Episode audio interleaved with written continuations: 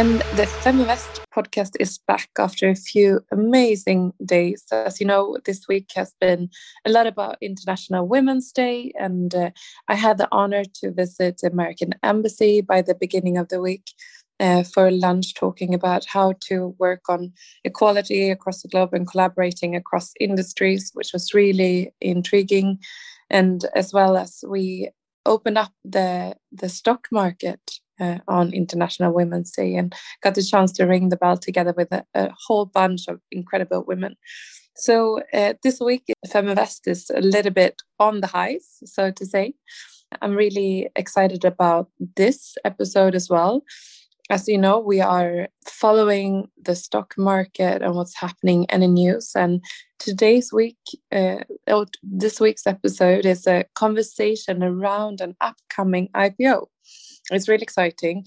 Um, the subscription period for Bawats is actually open uh, today up until the 17th of March. Bawats is a company that's going to get listed on Nasdaq First North, and it's uh, the first date of trading is set to the 28th of March if nothing uh, happens. And I've got the founder with me today who's going to introduce us to a super important business that I'm quite sure not many of you have thought about before. Because if you look at the transportations across the globe, one of the major tools is actually ferries or boats. And one of the ways that you um, you work with stabilizing the ship when it goes to its destination is by ballasting. And today you're going to learn a lot about that because the way it's been um, worked historically has not been so sustainable for the for the waters and there are a few different reasons for this. Marcus so great to have you in the feminvest podcast. Thank you very much michaela. Incredible. I've read so much about this now. Can you introduce us uh, as newbies to the history of ballasting I can uh, I can at least try and uh, do my best. So thank you very much for having me on this uh, broadcast. So to all the listeners, my name is uh, Marcus Hummer, and I'm the CEO of the of Bawat Water Technologies, as Michaela says, and we are being listed next next week uh, on Nasdaq First North in uh, in Stockholm, and the listing period is right now. But Bawat actually means ballast water treatment. And that's actually what we do in the company. We treat ballast water and we treat it for invasive marine species. And you might think, what is that and why is that a problem? Well, the thing is, as Michaela says, when ships sails across the globe, typically merchant ships, when they have no load or cargo on board, they take in ballast water instead in order to be positioned correctly in the water. So you can imagine and a ship coming maybe to Japan and offloading cargo, then by returning back to Sweden, it takes on ballast water in Japan to sail back. And when it arrives in Sweden or, Denmark, where I'm actually from, and it takes on new cargo, then when the cargo comes on, it discharges, I mean, it pumps out the ballast water. And that ballast water is now coming from Japan into Swedish or Danish waters. And in that ballast water lies the problem itself, because that ballast water holds algae, it holds plankton, it holds bacteria, and that is actually bringing in these invasive species into our marine environment.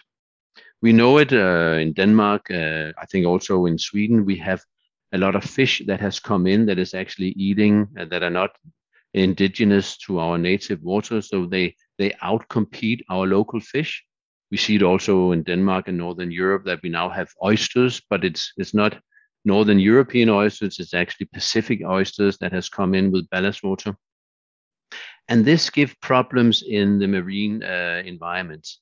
It also gives a lot of uh, economical problems. I think the the the most known problem is actually coming from the U.S., where uh, a small mussel came into the Great Lakes in the 80s and it grew so fast that it actually clogged up the cooling pipes for all the East Coast um, power plants.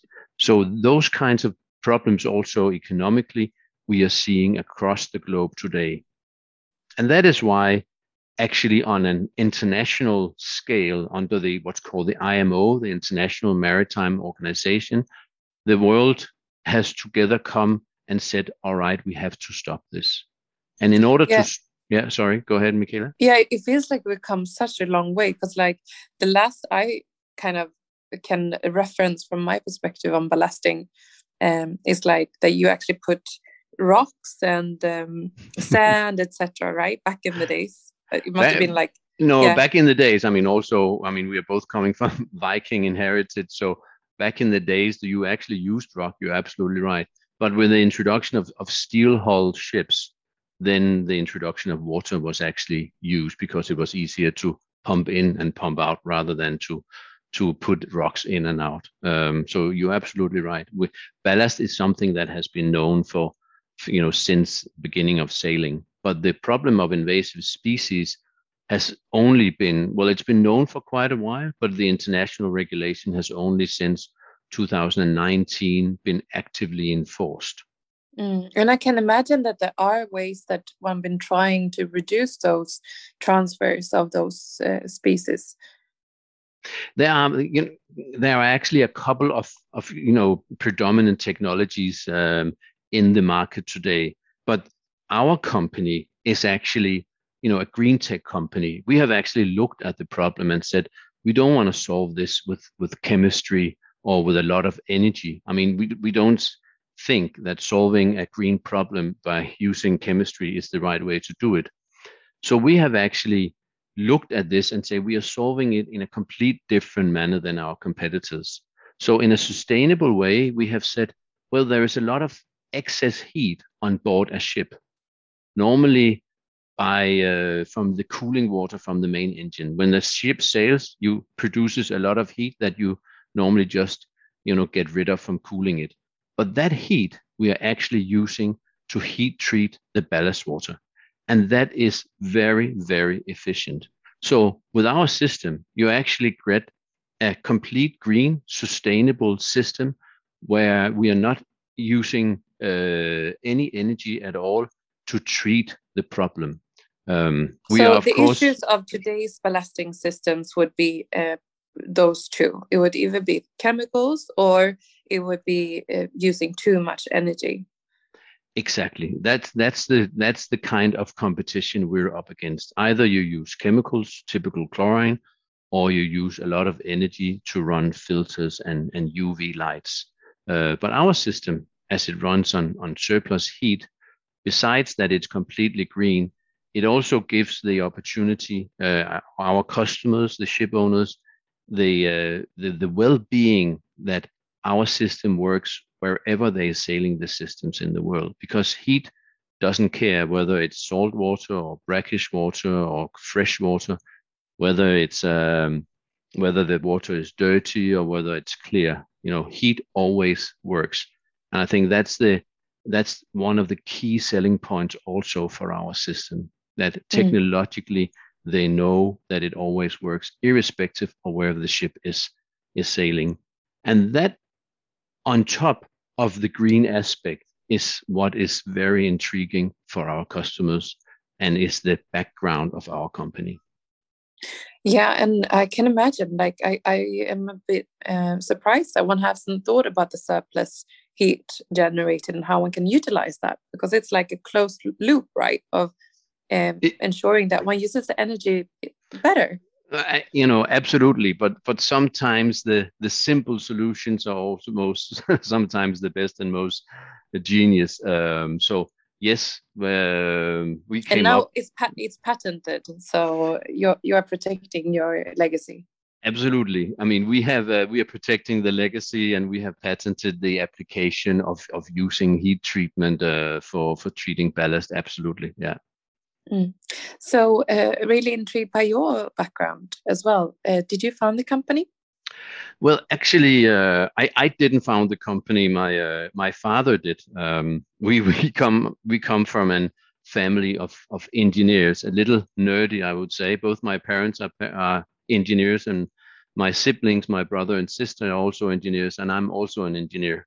Um, I even married to an engineer, so I, I come from a long background of of engineering, and and I come specifically within the process engineering industry of of where you think uh, systems. So um, I uh, I did not take part so much in the development. I was on the board, but when the company two years ago um, started to have you know a final product, then I took over as as CEO as I have a much wider execution background than I have a let's say the the normal inventor background as as my father has. So so the family is also still uh, a majority share owner, but we have also taken in you know very relevant maritime owners along the way. Mm.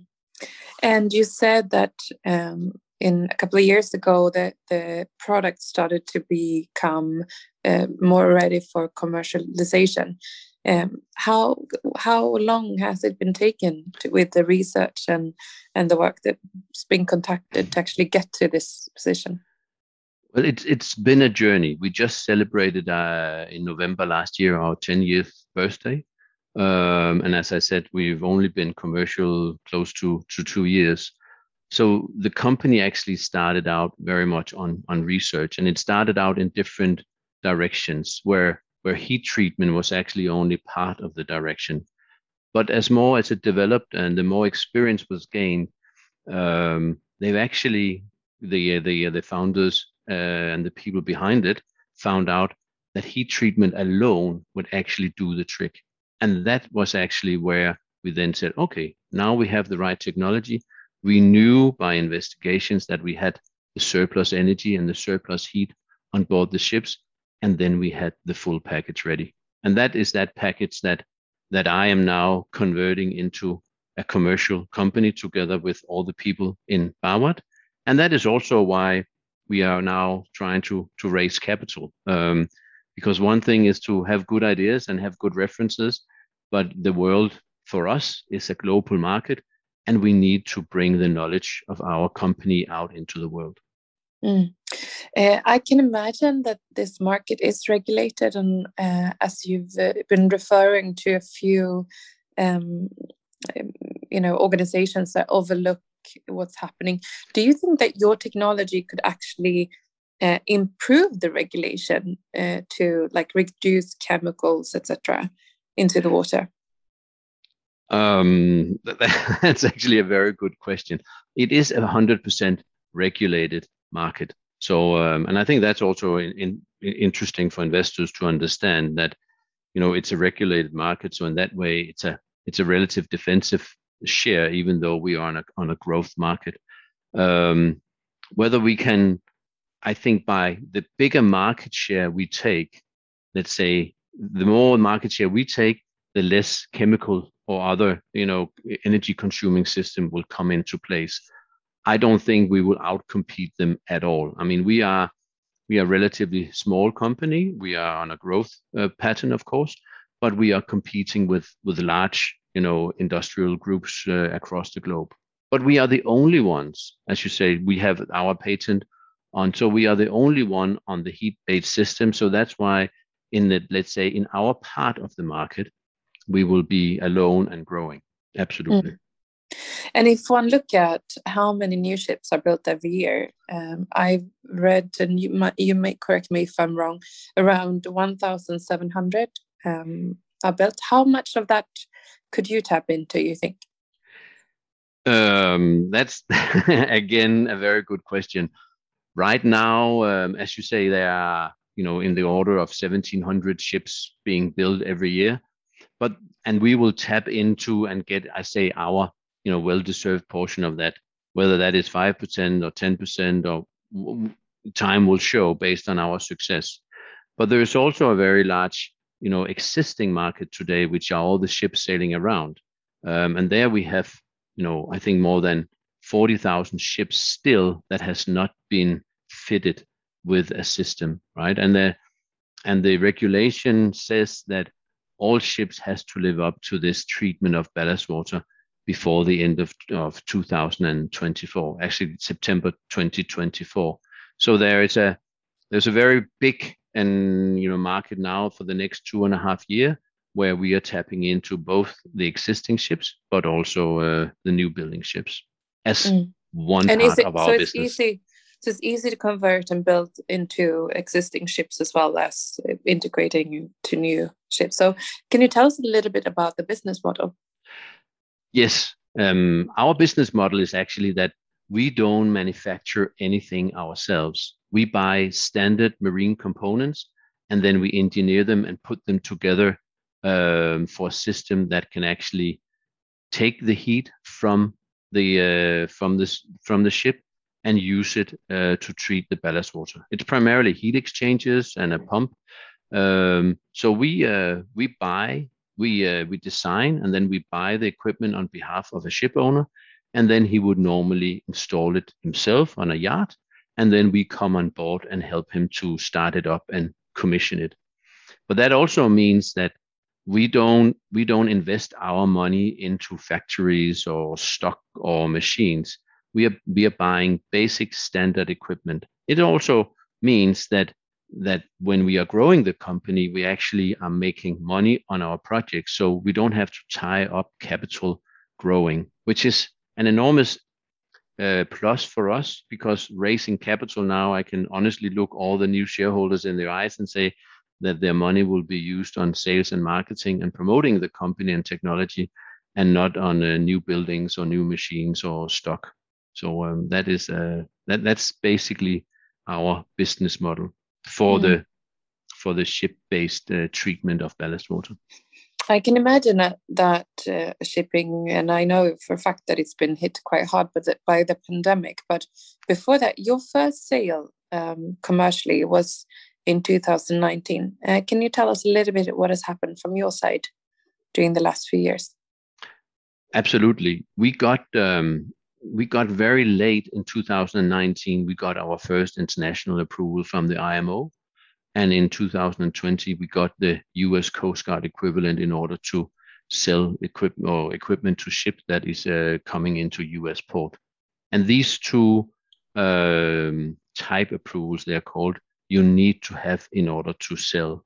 So we have used the last two years after these uh, type approvals was received by us to be out and selling our system, installing our systems, and building this reference list. So, uh, with all due respect, nobody wants to be the first one to try something new, but also nobody wants to be the last one to find out what is genius. So that that reference list we have now built, and we are now in a in a process where we are scaling up. So it's always difficult to sell the first ship to an owner or say, let's sell the first equipment to an owner.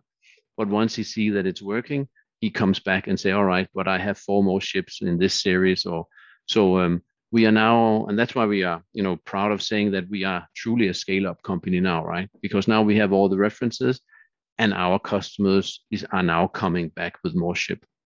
I, I always say to my salespeople that it's you know, it's not a success to sell the first one. The success is when you sell the second equipment to the same customer, because then you know he likes your system. And that's where we are as a company today.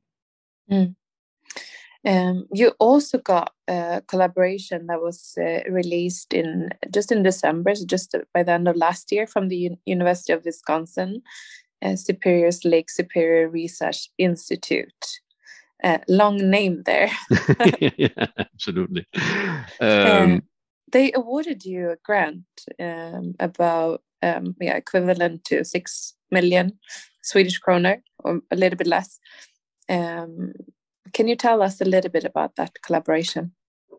I can, um, but allow me to step one step back uh, before I say that because we have once one leg in the company is putting our equipment onto ships, but our second leg in the company is actually saying that um, a lot of ships they don't want to treat the ballast water on the ship. They actually like to have it treated in the port. So basically, coming to port and discharging their ballast water and having it treated there um, simply as a service in a port. Similar as when you come to port and need to get rid of your trash or oily waters or similar. Um, so we have a leg in the company where we are looking at land-based or port-based uh, ballast water treatment.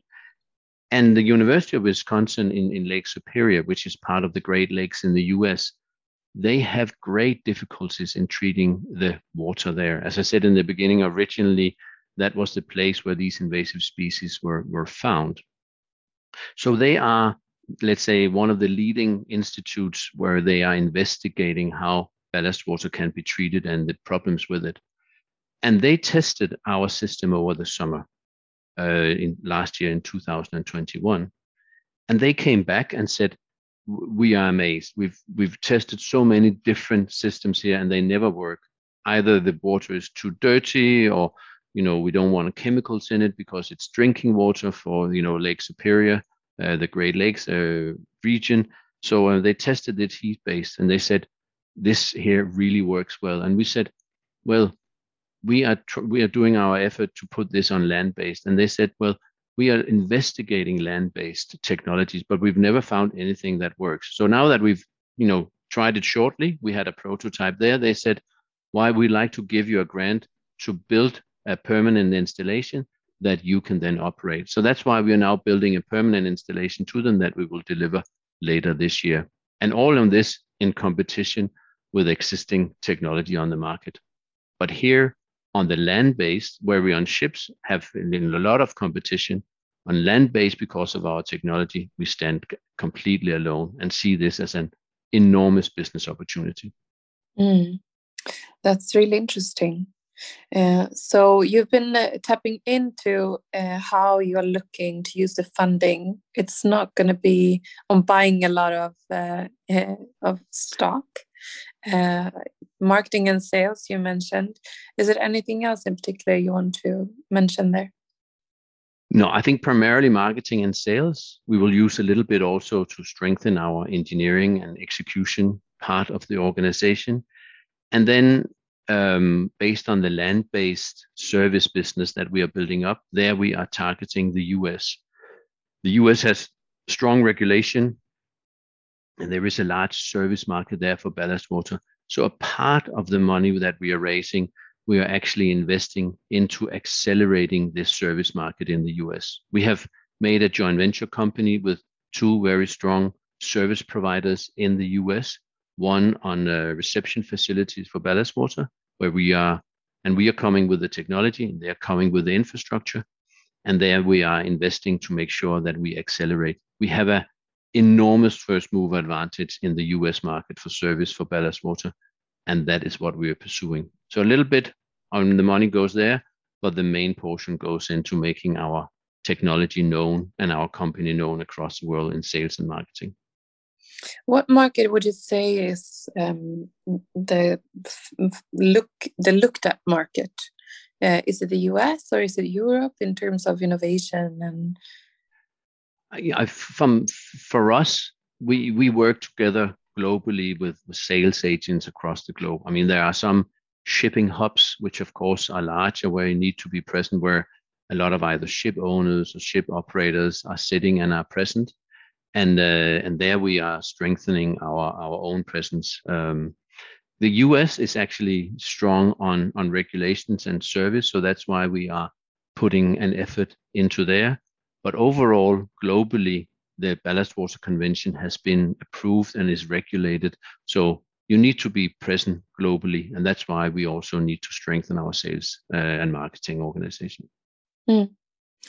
Um, really interesting question for the listeners mm. is like, what can I expect, and what milestones um, are you uh, working towards mm. in the upcoming year? Well, I think as as Bawat, I think you can expect a, a, company that's a green tech company, and we only do focus on on ballast water right now. I think our technology can be used in many different other applications, but right now it's it's ballast water that that we focus uh, on. It's it's a very strong regulated market, so we have a, as I said, a growth share, but that is actually a little bit defensive because we are not depending, well, we're not infected by a war or other things because the market is, is regulated. I think we have a lot of interesting share price triggers coming up. Um, one is, of course, once we have our first equipment uh, on board in the in the US and, and selling services, but we also, as we've said in our prospectus, we're actually expecting to uh, to to more than four or five double our order intake this year relative to to last year. Um, so I think there are quite a few value triggers coming up uh, in the, let's say, 12-24 months period for for our company. The market right now for installations on ship is already very hot. Uh, and in order to reach the deadline, um, people, and not me, are saying that you need to seven times double the investments or the speed for the implementation. So the market we are tapping into for the existing ships are really, really big. And with this opportunity we have on the land-based, I think that there are, you know, quite a few value triggers coming up in the in the share. Hmm. Oh, interesting. So this uh, conversation is uh, a collaboration uh, with BOA ahead of their upcoming IPO on the 28th of March, so very soon. And for those of you that want to learn more about this, that listen to the podcast, you could always go to the Feminvest website, right? And find the links to all the information of the subscription period.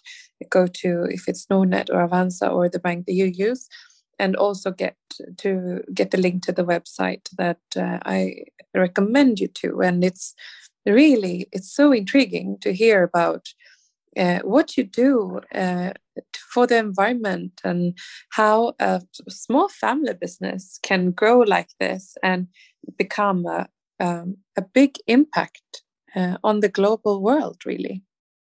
Well, thank you, Michaela. We uh, we try our best, but um, but we think we we have a reason for being where we wanna make a difference on the marine environment. Um, and that's part of of why we are doing this. And I think mm. it's also interesting for new investors to understand that all the current owners are actually staying in the company and are investing alongside, including myself, because we uh, we nobody of us wants to exit. We we want to stay in this company. We think it's a fascinating world to be in, and we we think and we know that we have the most interesting technology and solution here. Now, we just need to make it known to the world. Hmm. It's It does, uh, getting up and getting to work um, a lot different, doesn't it? Yeah, it does. I mean, I have I have to admit that I started out in in the oil industry uh, many years ago, and i and I quit that. Uh, and I've come to a part of my life and in my age, without being religious, where it makes a difference what kind of product you're offering. And I feel, you know, humble and proud to actually feel that I'm doing my little share of protecting the environment. You know, I have three children, and I wanna make sure that that they understand and learn and see a marine environment that I saw when I grew up. So, uh, no, I am I'm very proud of what I'm doing. Hmm. So, uh, the subscription price, uh, for those who you interested, is uh, 19.5 Swedish kroner per unit, and it's um, 2.3 million units, so it's about 6.5 Swedish kroner per share. So the valuation now is around 200 million Swedish kronor before the offering. And there's also a warrant series. Do you want to comment on that? Um, yes. Uh, just a quick a quick comment. Yeah, so so the unit is actually comprising of three shares and one warrant. Um, the warrant come for free and should be seen as a discount on the introduction price. You only get the warrant if you sign up during the subscription period, which runs up until and including the 17th of March. Um, So... And then the warrant, of course, uh, becomes more and more valuable as the uh, as the share price increases, and the warrant becomes mature after 12 months. So, but as it is now, uh, it's already in the money, and that's why it's being seen as a discount on the on the introduction. Mm. Thank you for that uh, information. Best of luck, and it's a good feeling. I've been I've been ringing the bell a few times. Uh, is it your first time? It's the first time I take a company to uh, to stock listing. So yes, we are very uh, looking forward to to come to that point. It's also been hard work getting here. So no, we are very much looking forward to that, and looking forward to welcome new shareholders in both Sweden, Denmark, Norway, and Finland, where we are marketing. Yes, yeah. Best of luck, and I understand it's it's been tough up until now, but it's just gonna get harder but no, more yeah. fun. Absolutely. More fun. Yeah, Thanks getting the product for, out. That's what yeah. one. That's that's the main goal, right? Absolutely. But uh, thank you very much for for listening and having the conversation today. Really appreciate it. Thank you, Marcus, and stay in touch. Absolutely. Thank you. This has been a really exciting episode. I've learned so much about something I didn't know too much about previously. When you do investments of any kind, you should always do your own research. And I want to um, highlight that we are not um, recommending any of the companies that we interview in the Feminvest podcast, but we do think and we want to give you as much information as you need to actually make a good decision for yourself and go in and read more about um, the specific interviews that you find interesting.